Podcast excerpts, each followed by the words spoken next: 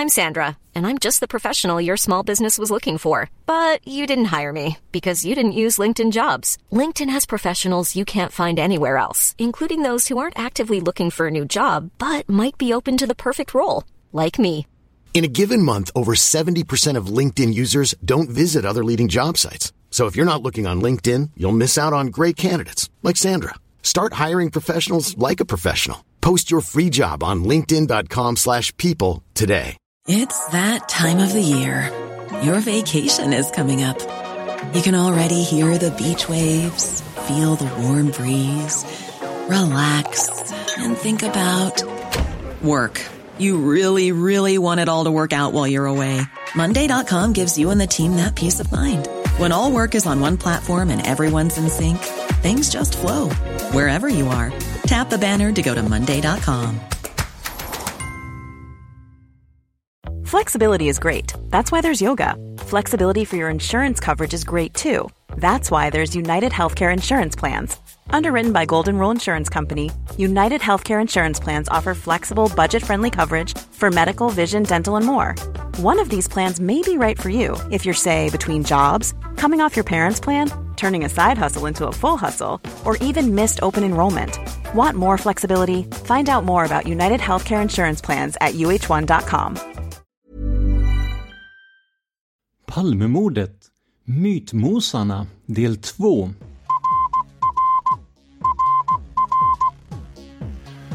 Sveriges statsminister Olof Palme är död. 90 000.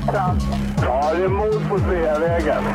Hörde de säger att det är Palme som är skjuten. Mordvapnet med säkerhet är en Smith Wesson, en revolver kaliber .357. Inte ett svar. Det finns inte ett svar. För jag har Polisen söker en man i 35 till 40-årsåldern med mörkt hår och lång mörk rock. Välkomna till podden Palmemordet som idag görs av mig, Tobias Henriksson på PRS Media. Stort tack till Juan Esposito och P.O. Falmo som har gjort mycket av researchen till det här avsnittet. Som lyssnare är du hjärtligt välkommen att stötta vår podd ekonomiskt. Om du vill skänka en summa per publicerat avsnitt, gå in på patreon.com palmemordet alltså patreon.com och fyll i dina uppgifter. Du betalar bara de veckor det kommer avsnitt, så om vi av någon anledning inte kommer ut med ett avsnitt betalar ni inte heller något.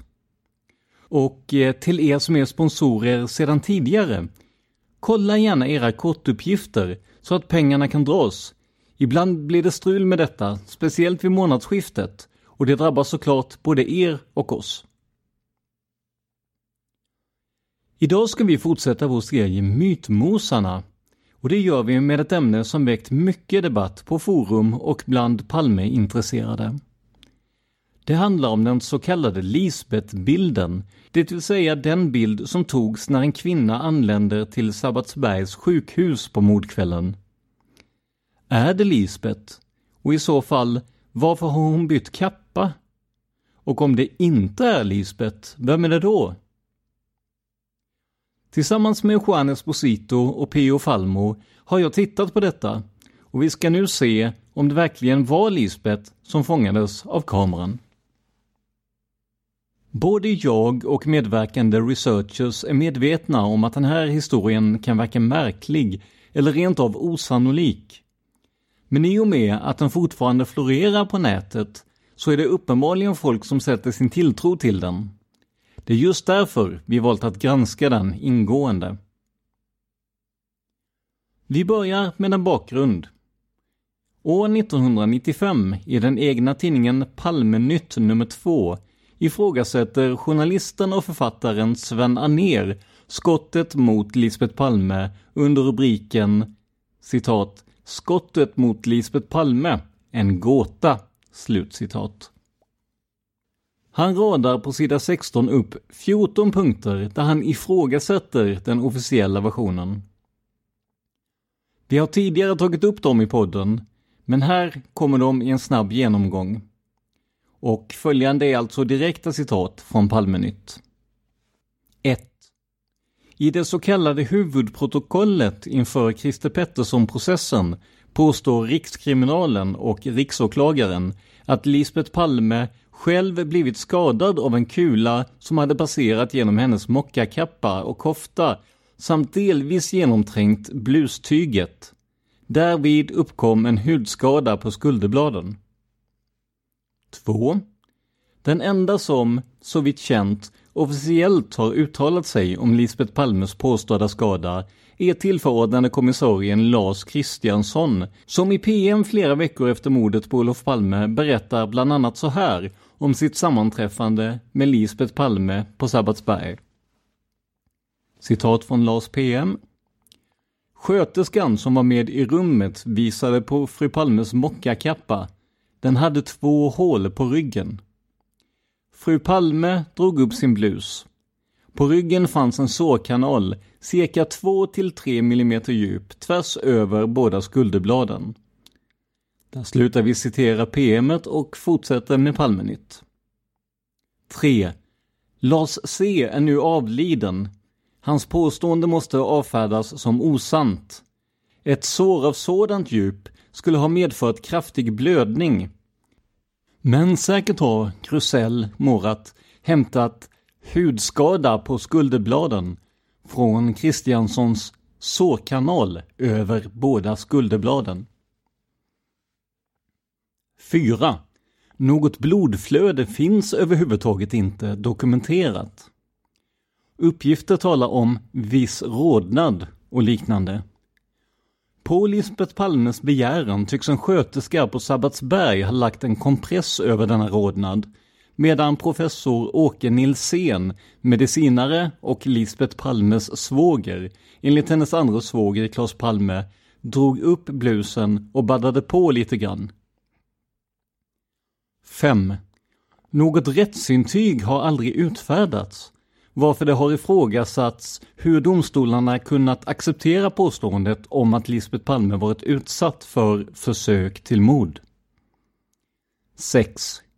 Den vita blus som Lisbeth Palme bar vid mordtillfället var av allt att döma oskadad på Sabbatsberg det är troligt att åtminstone någon av sköterskan, Nilsén och Claes Palme skulle ha noterat en skada, i varje fall en så omfattande skada som blusen i bland annat fotografier från Bundeskriminalamt i Wiesbaden visat sig ha. 7. SKL uppger nu i officiell skrivelse till mig, det vill säga Sven Aner, att blusen då den undersökts av SKL uppvisat citat Skador som av oss antagits vara ingångs respektive utgångshål för kulan.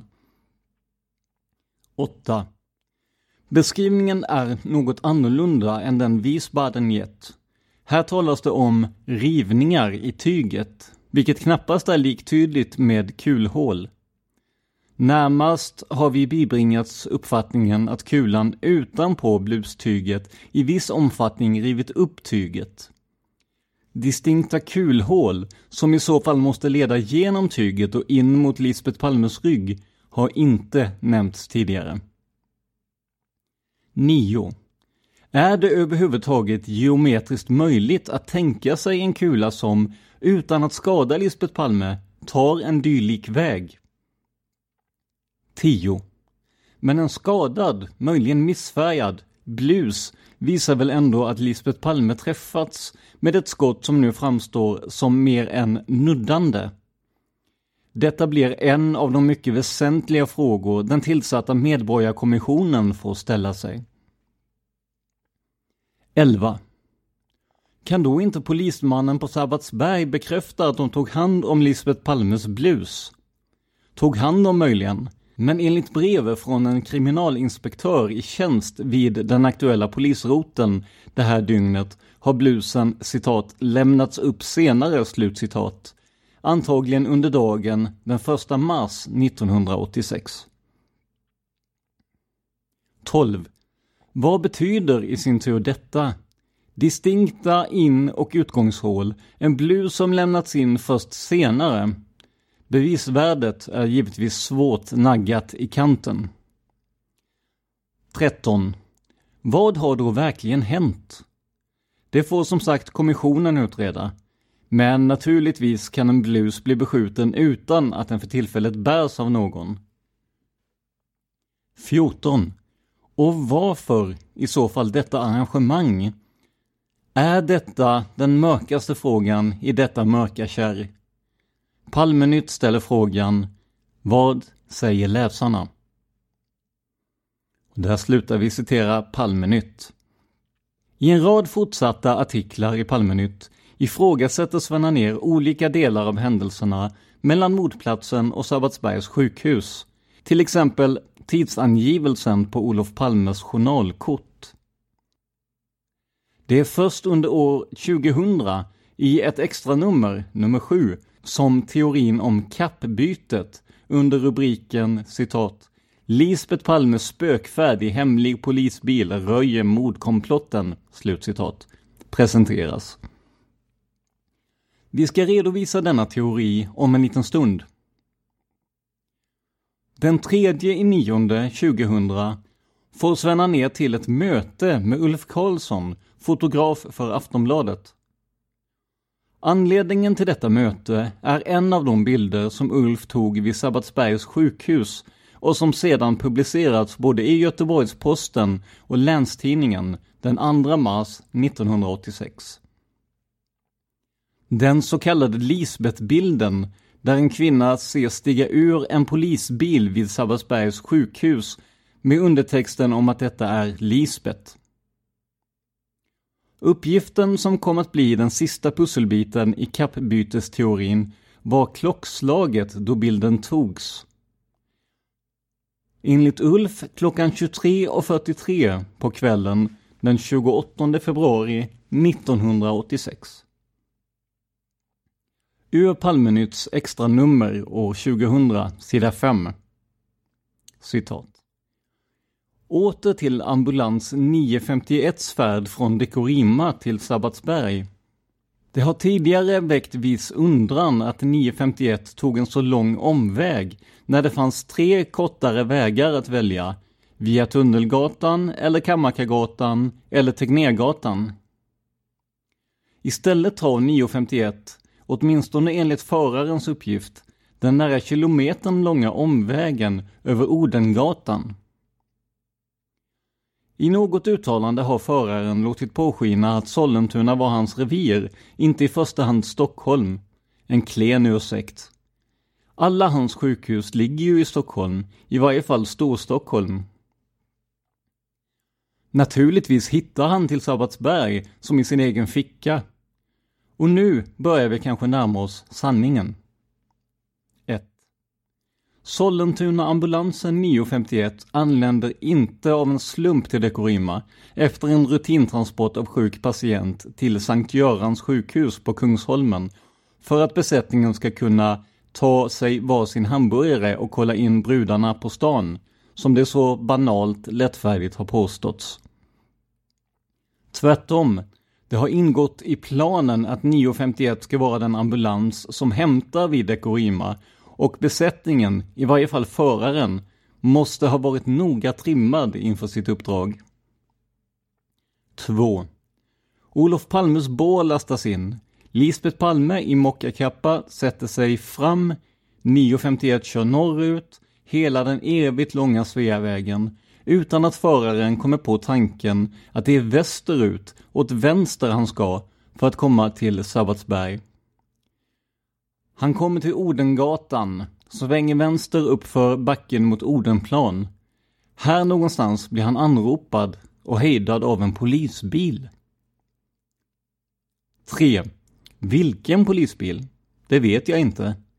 Jag kontrollerar bröderna Putjanins mycket noggranna förteckning, men jag finner ingen bil eller patrull som skulle kunna stämma med denna polisbil på Odengatan.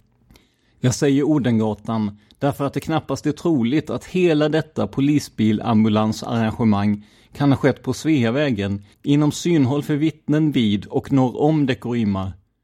Eller på den korta biten på Dalagatan där sjukhuspersonal kan ha hållit uppsikt. Vi vet inte vilken polisbil det gäller, fast mera strax om detta. Men vi vet vad som måste ha hänt. 4. Lisbeth Palme lämnar sin döende eller döde makes ambulans för att gå över till en polisbil medan ambulansen fortsätter sin omvägsfärd till Sabbatsberg. I polisbilen byter Lisbeth Palme till en kappa av helt annat utseende. Den är ljusare, den har kapuschong och ett fast ryggbälte i höfthöjd. 5. Polisbilen anländer efter ambulans 951 till Sabbatsberg. I kappa nummer två springer Lisbeth Palme in på akututtaget. Så långt det rekonstruerade händelseförloppet kan jag vara säker på att rekonstruktionen är korrekt. Ja, att kappan bytts framgår ju av bildbevisen. Men att det skedde i polisbilen på Odengatan? Ja, bytet måste ha skett i polisbilen. Men att det skedde på Odengatan är förstås en gissning. Men en kvalificerad sådan. Slut citat Palmenytt.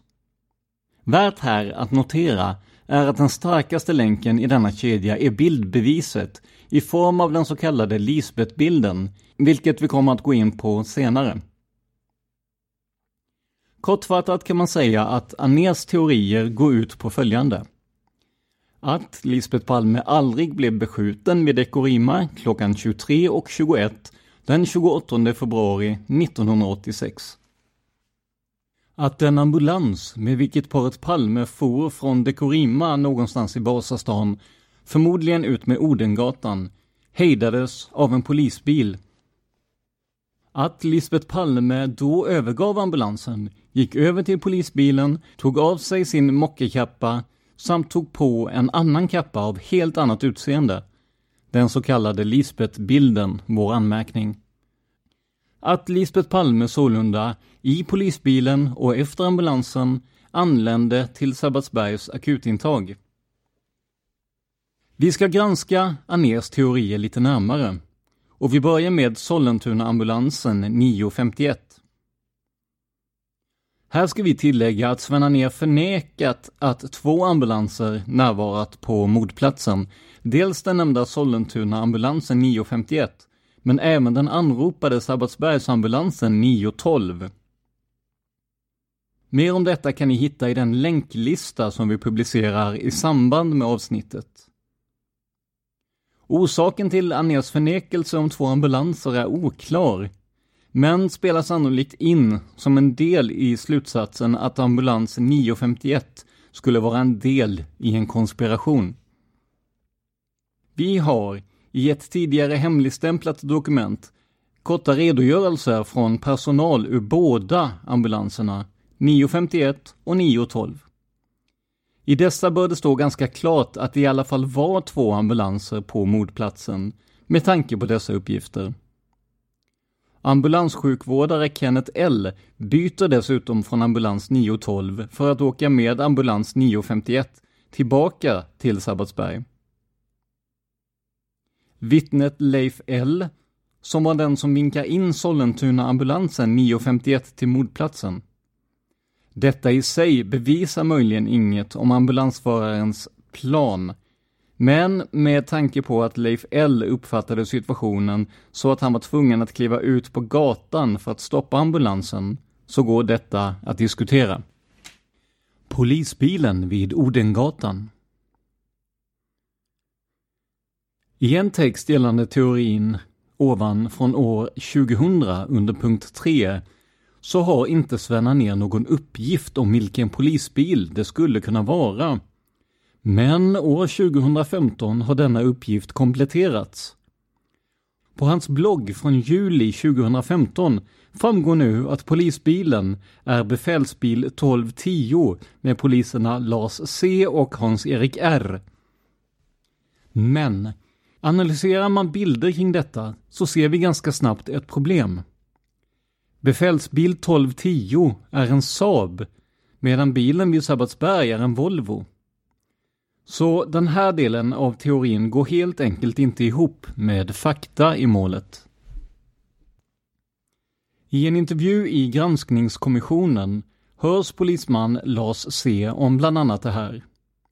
Även om intervjun är utan intresse för polisbilens vara eller inte vara, kan den ändå vara intressant. Vi postar en länk tillsammans med allt källmaterial vid publicering av avsnittet. Vi kommer nu att fokusera på själva bilden som togs vid Sabbatsberg och som Sven ner menar visar hur Lisbet anländer till sjukhuset. Men det finns mycket i de officiella versionerna som motsäger detta. Så här säger till exempel polisen Åke Rimborn. Citat. Jag åkte i 5520 som var en Volvo och syns på bilden längst in till höger. Och TT var kvar på sjukhuset när jag var på polishuset. Bilden är tagen när jag är tillbaka andra gången. Vilka som kommer i bilen på bilden vet jag inte. Lisbeth var på sjukhuset när jag kom dit, vilket tyder på att hon åkt med i ambulansen. Slutcitat. På det så kallade LAC-bandet, där kommunikationen för kvällen bandades, säger ambulansföraren Maria Degeman klockan 23.42 att citat Frun sitter där inne i rummet med en sköterska nu, slutcitat. Om den så kallade Lisbeth-bilden togs 23.43, som fotografen Ulf Karlsson anger, kan det omöjligt vara Lisbeth som syns på bilden. Så här står det i Åke Rimborns PM. Kommer till Sabbatsberg efter att ha befunnit mig i polishuset 23.35 enligt IM-listan, alltså ingripande meddelanden. När han kommer till Sabbatsberg är Lisbeth i akutrummet. Rimborns patrull 5520 är enligt Rimborn första patrull dit. Rimborn talar med Lisbeth och får de uppgifter som blir underlag till rikslarmet. Rimborn åker då tillbaka i 5520 till polishuset och Rimborns kollega Thomas T lämnas kvar för bevakning. Rimborn begär förstärkning med bevakning av Sabbatsberg. Patrullerna 11.20 och 11.50 är de första som enligt EM-listan 0013 beordras dit. Enligt Rimborn är då T ensam polis där tills dessa patruller kommer dit. Senare kommer fler patruller. Rimborn ombeds att åka till Sabbatsberg igen och blir då fotograferad utanför akutinfarten intill en Saab. På fråga om det är 1210 Kristiansson och Hans-Erik R som har en Saab svarade Rimborn att han inte minns vem som är i bilen. Men det är inte Kristiansson, då Rimborn inte har varit ute vid en annans bil. Rimborn la inte uppmärksamhet på vilka som kom dit i vilka bilar, Hans fokus låg på Palme och anar med åtgärder kring det. Slut citat. Om Rimborn kom till sjukhuset 23.35 och Lisbeth redan var där så är det omöjligt att hon kommit dit först 23.43, alltså när den berömda bilden togs. Så här säger Hans-Erik R. Han var chaufför i 1210, befinner sig vid amerikanska ambassaden när de hör Helins anrop. Därifrån tar de sig via Sergels torg till mordplatsen. När de kommer dit är ambulans ännu kvar på platsen. Kristiansson talar där med de andra kommissarierna på platsen, Söderström och Dalsgård, om vilka åtgärder som ska vidtas. Det blir så att 12.10 åker till Sabbatsberg, då ingen informerar dem på mordplatsen att Rimborn också är vid Sabbatsberg. Polisman Stig R var stationsbefäl på Söder. Hörde över radio vad som hänt och tar då eget initiativ att åka till Västerlånggatan för bevakning av bostaden. Han tar kontakt med Dalsgård som tycker att det är en bra åtgärd. R tar med sig kollegan Lars B och de åker dit i bil 3120. Stig säger att minnet bleknar med tiden, men som han minns det idag fanns det flera personer på platsen när de kommer dit. Han minns att det var en yngre kvinna med där, bland annat. R säger att det fanns inget misstänkt med de här personerna, varav Mårten är en. Man tar inte ID på dem, så de fick åka med 3120 till Sabbatsberg med Lars B som chaufför. R stannar vid bostaden. R kan inte svara på vem som var med Mårten och Ingrid där, men att denne var där tillsammans med dem, någon vän eller bekant. Han hänvisade till Lars B för mer information, det var denne som kört bilen dit och kanske mindes vem det var. Och vid det här tillfället säger Lars B att han inte vill yttra sig så länge utredning pågår, så att det blev inte mycket svar från honom. Innan vi går in på slutsatser och sammanställningar av det här avsnittet vill vi låta Svenna ner säga sitt utan att avbrytas. Och det kommer han att göra. Planning for your next trip? Elevate your travel style with Quince. Quince has all the jet-setting essentials you'll want for your next getaway, like European linen, premium luggage options, buttery soft Italian leather bags, and so much more. And it's all priced at 50 to 80% less than similar brands. Plus, Quince only works with factories that use safe and ethical manufacturing practices. Pack your bags with high-quality essentials you'll be wearing for vacations to come with Quince. Go to quince.com slash trip for free shipping and 365-day returns. Hi, I'm Daniel, founder of Pretty Litter. Did you know cats tend to hide symptoms of sickness and pain? I learned this the hard way after losing my cat, Gingy. So I created Pretty Litter, a health monitoring litter that helps detect early signs of illness by changing colors, saving you money and potentially your cat's life. Pretty Litter is veterinarian developed, and it's the easiest way to keep tabs on your fur baby's health right at home. Go to prettylitter.com and use code ACAST for 20% off your first order and a free cat toy. Terms and conditions apply. See site for details. Hiring for your small business? If you're not looking for professionals on LinkedIn, you're looking in the wrong place. That's like looking for your car keys in a fish tank. LinkedIn helps you hire professionals you can't find anywhere else, even those who aren't actively searching for a new job but might be open to the perfect role. In a given month, over 70% of LinkedIn users don't even visit other leading job sites. So start looking in the right place. With LinkedIn, you can hire professionals like a professional. Post your free job on linkedin.com slash people today. I artikeln Nyckeln, Lisbeth Palmes kappbyte öppnar hela mordet från 2011 07 22. Citat Palmenytt och Svenna ner. Läs det här! Aldrig dementerat, bara inknuffat på en skräphylla hos Rikskrim. 25 femte år 2000. Öppet brev till statsminister Göran Persson. Jag överlämnar nummer sju av Palmenytt för år 2000 och jag anhåller om omedelbara kommentarer. Jag påstår i detta nummer att Lisbeth Palme aldrig blev beskjuten vid Dekorima klockan 23.21 den 28 februari 1986.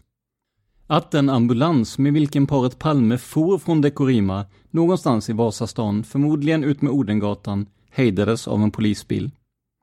Att Lisbeth Palme då övergav ambulansen och sin då ännu ej dödförklarade man gick över till polisbilen, tog av sig sin mockakappa samt tog på en annan kappa av helt annat utseende.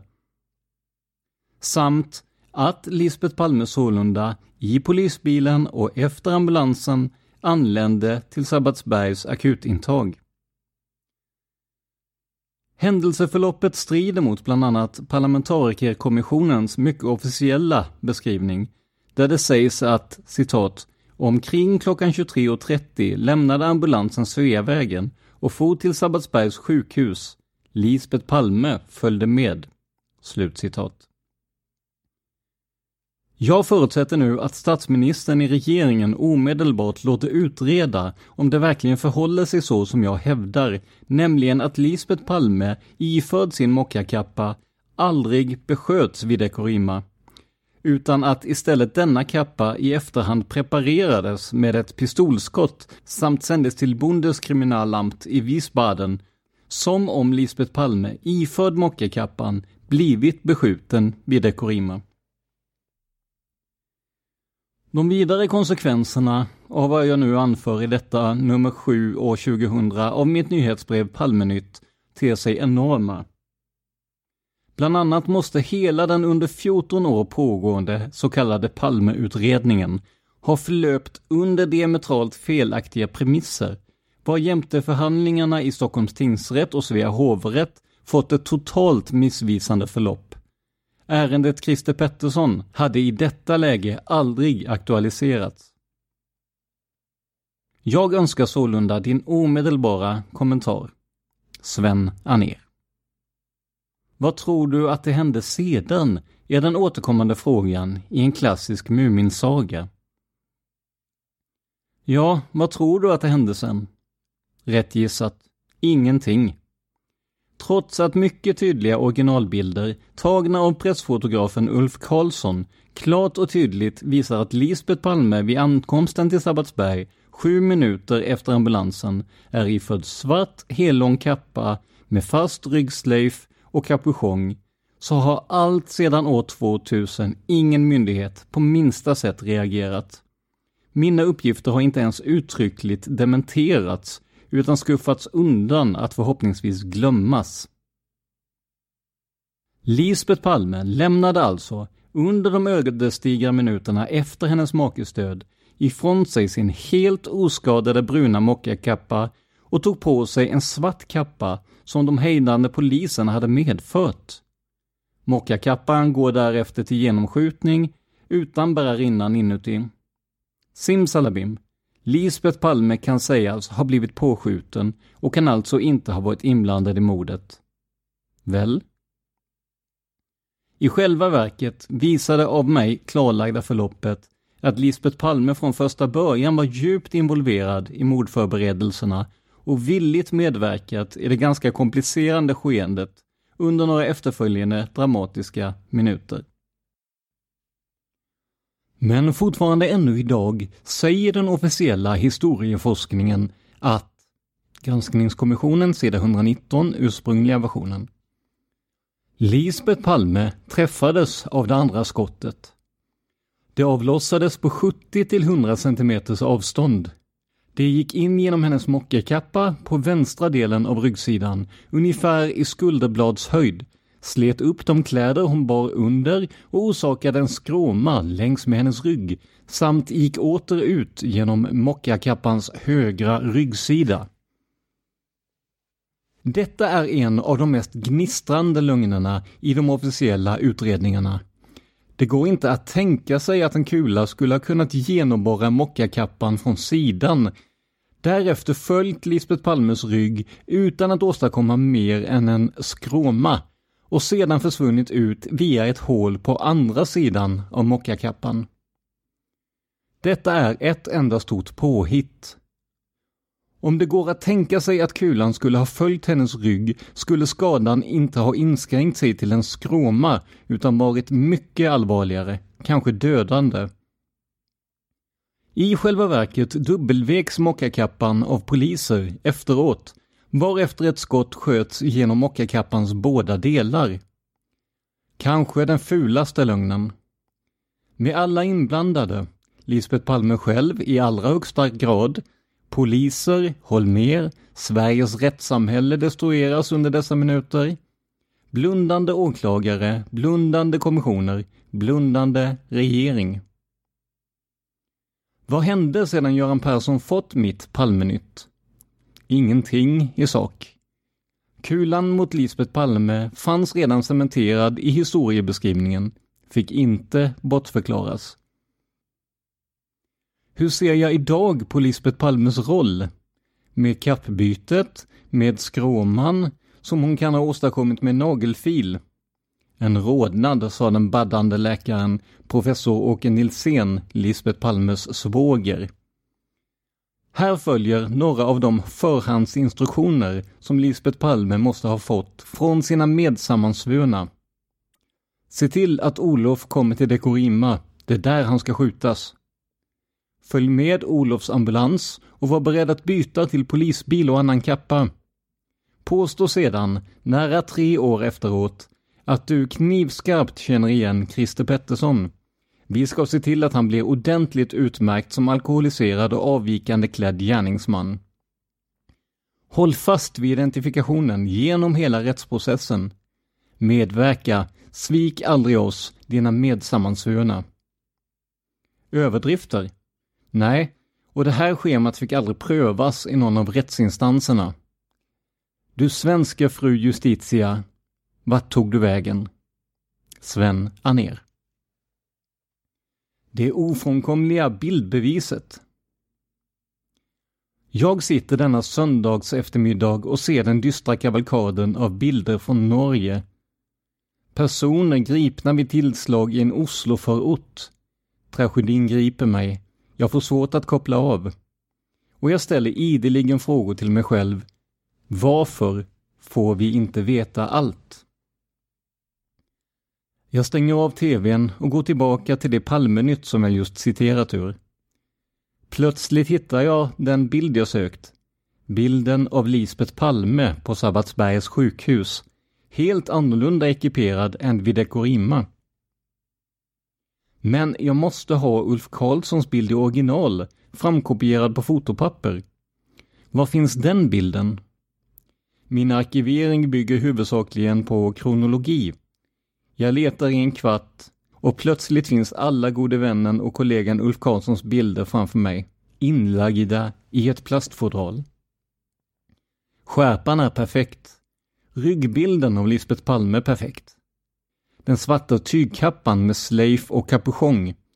Lisbet som har lämnat bilen genom höger framdörr, rundat polisbilens bakdel och nu är på väg mot akutintaget. Polisbilen? Stopp ett tag. Lisbeth Palme måste alltså ha lämnat sin döende, kanske döde man ensam i ambulansen någonstans längs färdvägen till Sabbatsberg, gått över till denna polisbil, bytt kappa, kanske inne i polisbilen, fortsatt till SAB. Enligt en rekonstruktion som jag presenterade i Palmenytt nummer 11 för år 2000 kom ambulans 9.51 med Olof Palme till SAB klockan 23.36 medan polisbil med registreringsnummer LZO 872 klockan 23.43 sålunda sju minuter efter ambulansen anlände till SAB med Lisbeth Palme som passagerare. Inga av mina uppgifter är någonsin dementerade. Uppgifterna och mina frågor kring dem har betraktats som luft, aldrig kommenterats, aldrig dementerats. Det är bara svänna ner. Jag återger nu sidan 6 i Palmenytt nummer 13 för år 2000. Detta är ju första gången någonsin som denna Lisbeth Palme-bild visats på nätet, tidigare endast via mer eller mindre suddiga papperskopior. Soppdramatik nära, nära mordet på en statsminister. Men regissören lät ridån gå ner. Jag satte den gången i Palmenytt rubriken ”Detta är Sveriges hemligaste bild”. Bilden känns igen, eller hur? Frågade jag då, år 2000. Palmenytt har presenterat den i snart ett halvår. En dyster följetong. Men det är endast Palmenytts läsare som kan storyn och hittar vägen in i storyns skymningszon. Samtliga personer och instanser som borde veta allt om bilden och dess öden förklarar sig inte ha en aning till exempel Aftonbladets nuvarande chefsredaktörer Anders Gerdin och Rolf Alsling. Båda i tjänst 1986.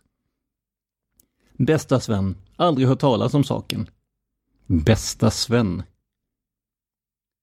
Någon på Aftonbladet måste ju ha sett den här och Ulf Karlssons övriga förnämliga bilder. Men jag hittar alltså ingen sådan person. Så småningom är jag utskuffad till herr Mats Örbrink och Niklas Silov som var deskfolk den här natten. Men då får jag inte längre något svar överhuvudtaget. Glöm Svenna ner. Rikskriminalens Åke Röst, mannen som arrangerade Hans Holmers falska Borlänge-alibi när det begav sig, sitter fortfarande med stort inflytande inom den så kallade Palmeutredningen och berättade för mig per fax 2010 30. Svenna ner, adress Almunge. Jag har tagit del av innehållet i ditt telefax som inkom till Rikskriminalpolisen den 27 oktober 2000. Du anhåller att utfå kopior av de bildtexter, captions, som hör till de 19 bildkopior som togs mordnatten på Sabbatsbergs sjukhus av reporterfotografen Ulf Karlsson. Några handlingar som innehåller bildtexter av det slag som angivits i din skrivelse finns inte i utredningsmaterialet. Din begäran kan därför inte föranleda någon vidare åtgärd från Palmegruppens sida. Med vänlig hälsning Åke Röst. Tack för det. Eller, jag vet inte. Ett hederligt svar av typen ”Vi ger fan i dig Sven ner hade, om uttrycket tillåts, känts bättre. Men Åke Röst höjer ej rösten då han i kavaj och slips författar sina skrivelser till herr Aner i dennes gråmulna Almunge.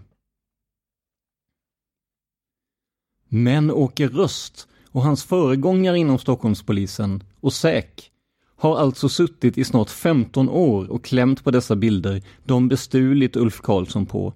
Men de påstår sig alltså nu inte veta vad bilderna föreställer. Hur kan dessa människor se sig i spegeln? Vad gjorde Lisbet Palme mordnatten? Ingen vill svara och Ulf Karlssons bild från Sabbatsbergs akutmottagning, som borde varit ett fotografiskt bevis på alla märkligheter, citat, föranleder inte någon vidare åtgärd, slutcitat. Nej, inte någon vidare åtgärd. PS. I pressläggningsögonblicket svarar Mats Örbrink. Palmenytt tackar för svaret, men konstaterar samtidigt att Örbrinks beskyllningar mot Ulf Karlsson är både skrämmande och grundlösa. Jag ringer Ulf Karlsson som kommenterar Naturligtvis arbetade jag för Aftonbladet denna kväll. Det var Mats Örbrink som via mig, från telefonkiosken utanför biografen Grand, fick det första meddelandet om attentatet. Jag for tillsammans med min fru till Sabbatsberg, där jag sammanträffade med Thomas Sjöberg. Jag lämnade mina rullar till Aftonbladets nattredaktion, Öbrink. Naturligtvis har jag inte sålt Lisbeth-bilden till GP. Bilden har överhuvudtaget aldrig honorerats. Hela Aftonbladet ljuger. Självfallet mer om detta i nummer 14 av Palmenytt. Så långt Palmenytt den gången. Jag skakas under utskriften. Att myndigheter ljuger för mig och tiger för mig har jag förstås vant mig vid. Men att en tidning som Aftonbladet, där jag för övrigt arbetade ett tag under 1963, på ett så kusligt sätt slirar på mordkvällens sanningar, känns otäckt. Hur kunde Aftonbladet minuterna efter mordet veta att speciella publiceringsregler hade börjat gälla minuterna efter mordet. Två avslutande kommentarer bara. Det framgår av Palmenytts rekonstruktion att Ulf Karlsson klockan 23.36 då ambulansen anlände till Dekorima inte har hunnit längre än till biografen Grand varifrån han talar i telefon med Aftonbladets redaktion. Ulf kommer till SAB först 23.40 och tar bilden av Lisbeth på väg in till akutintaget 23.43. Bilden hade inte kunnat tas 23.36. Lisbeth Palme måste ha gått över till polisbil LZO 872 någonstans mellan Dekorima och Sabbatsberg. Var tidningskvarteren i Klara, som för mig den gången, om jag får citera Norges Stoltenberg, var ett paradis men skulle förvandlas till ett helvete, var de genomsyrade av ambitioner som inget hade med hederlig journalistik att skaffa. Och granska bilden av Lisbeth Palme och polisbilen, granska den noga. Det är första gången den kan förmedlas i perfekt pixelpresentation. Lisbeth Palme kommer från ett mord. Detta är bildbeviset. Beviset för all falskhet kring mordet på en statsminister. Sven Anér. Där slutar citaten från Palmenytt och Sven ner. Så vad kan vi då konstatera efter att ha lyssnat på det här? Vi ska titta närmare på det. Först av allt vill jag betona att vi som jobbat med det här avsnittet hade stor respekt för Sven ner och hans förmåga att få ut uppgifter från utredningen. Men även en person med de egenskaperna kan ibland fastna i sina egna teorier jag vill också betona att de slutsatser som nu kommer är mina egna, det vill säga Tobias Henrikssons, och inte en produkt av samarbetet som gjorde det här avsnittet möjligt. Har jag fel är det alltså mig som skuggan ska falla på. Den största frågan jag ställer mig i det här sammanhanget är varför? Varför skulle Lisbeth överge sin man i ambulansen för att själv åka i en annan bil, byta kappa till en i förväg beskjuten sådan och sedan dyka upp sent på sjukhuset? Vad ville hon uppnå med detta? Och hur fick hon folk att gå med på det? Eller tvärtom, hur fick poliserna henne att acceptera ett sådant vansinnigt projekt? Jag hittar ingen någorlunda rimlig förklaring till vad syftet skulle vara. Och hur komplicerad är inte den här planen? Det skulle kräva en konspiration på kanske ett tiotal personer, där såväl poliser som ambulanspersonal var inblandad, förutom då fru Palme själv. Dessutom skulle samtliga inblandade tvingas ljuga för överordnade och i kommissioner för att få rätsida på sammansvärjningen. Det är alltså en väldigt komplicerad plan, där utgången och syftet med den är ytterst oklart. För jag tror personligen att Lisbeth inte kunde bry sig mindre om huruvida hon blivit beskjuten eller inte, efter att hon sett sin make segna ner på marken, till synes livlös. Vad skulle krävas i materiella resurser för att planen skulle gå igenom? Ja, låt oss börja med en ambulans och en polisbil, där de som sitter i den ska vara införstådda med planen. Dessutom en på förväg genomskjuten rock som Lisbeth ska byta till. Inte heller har planen, om den skulle stämma, utförts speciellt professionellt. Vittnen på platsen kan mycket väl ha kommit ihåg Lisbets kappa och höjt på ögonbrynen när de såg bilden i tidningen.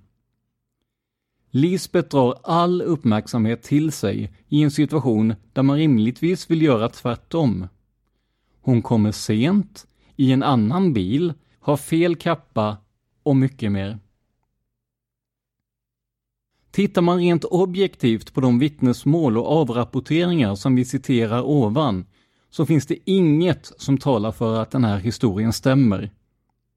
Tvärtom säger det stora flertalet att Lisbeth var på sjukhuset långt innan bilden togs. Vilket alltså var 23.43. Att samtliga personer skulle ljuga för att skydda Lisbeths oklara plan i det här läget ser jag som ytterst osannolikt. Så vem är då kvinnan på bilden? Och varför spreds ryktet att det var Lisbeth? Först och främst ska vi säga att det faktiskt stod i bildtexten till bilden att Lisbeth ankommer till Sabbatsberg. Och det var någonstans där förvirringen började. Men som ni alla vet finns det många som tror att något skumt var på gång inom polisen på mordnatten. Och det kan absolut inte avfärdas.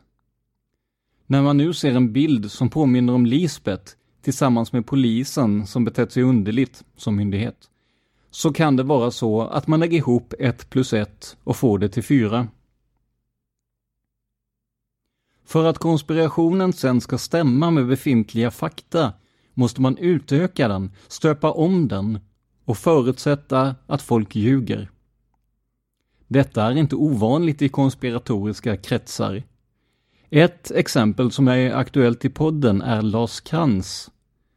Det började med en till synes riktig observation av något skumt på buss 43 för att sedan växa till en konspiration med synnerligen obehagliga undertoner där feminister, judar och Lisbeth själv anklagades för mordet. En konspirationsteori är bara aktuell så länge den stämmer hyfsat på det skede som kan styrkas. Och gör den inte det, då måste teorin ändras. Det mest sannolika är att kvinnan på bilden är Mårten Palmes dåvarande flickvän Ingrid Klering, numera Ingrid Eiken Holmgren. Den teorin stämmer i alla fall betydligt bättre än att Lisbeth Palme skulle ha dragit igång en stor konspiration i oklart syfte annat än att dra uppmärksamhet till sig. Så sammanfattningsvis. Med den fakta vi har idag och med den research som Juan Esposito och P.O. Falmo gjort tillsammans med mig är jag beredd att säga att den här myten är krossad. Palmemordet finns på facebook.com palmemordet. Gå gärna in och gilla vår sida och kommentera vad ni tycker om våra avsnitt. Och skriv gärna också vad ni tror om Lisbeth-bilden. Vi finns också på Youtube. Bara sök på Palmemordet. Det här avsnittet gjordes av mig, Tobias Henriksson på PRS Media tillsammans med Juan Esposito och P.O. Falmo. Stort tack för er hjälp! Om ni vill veta mer om mig och mitt företag, gå in på facebook.com prsmedia.se eller besök hemsidan prsmedia.se. Tack för att ni lyssnar på podden Palmemordet. Man hittar Palmes mördare om man följer PKK-spåret till botten.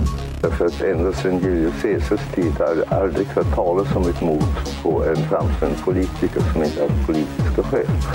Polisens och åklagarens teori var att han ensam hade skjutit Olof Palme. Och det ledde också till rättegång. Men han frikändes i hovrätten. Ska vi ut på vi ska ut och röva. Want flexibility? Take yoga. Want flexibility with your health insurance? Check out United Healthcare Insurance Plans. Underwritten by Golden Rule Insurance Company, they offer flexible, budget friendly medical, dental, and vision coverage that may be right for you. More at uh1.com. Normally, being a little extra might be a bit much, but not when it comes to healthcare. That's why United Healthcare's Health Protector Guard fixed indemnity insurance plans, underwritten by Golden Rule Insurance Company, supplement your primary plan so you manage out of pocket costs. Learn more at uh1.com. Planning for your next trip? Elevate your travel style with Quince. Quince has all the jet setting essentials you'll want for your next getaway, like European linen, premium luggage options, buttery soft Italian leather bags, and so much more and is all priced at 50 to 80% less than similar brands. Plus, Quince only works with factories that use safe and ethical manufacturing practices. Pack your bags with high-quality essentials you'll be wearing for vacations to come with Quince. Go to quince.com/pack for free shipping and 365-day returns.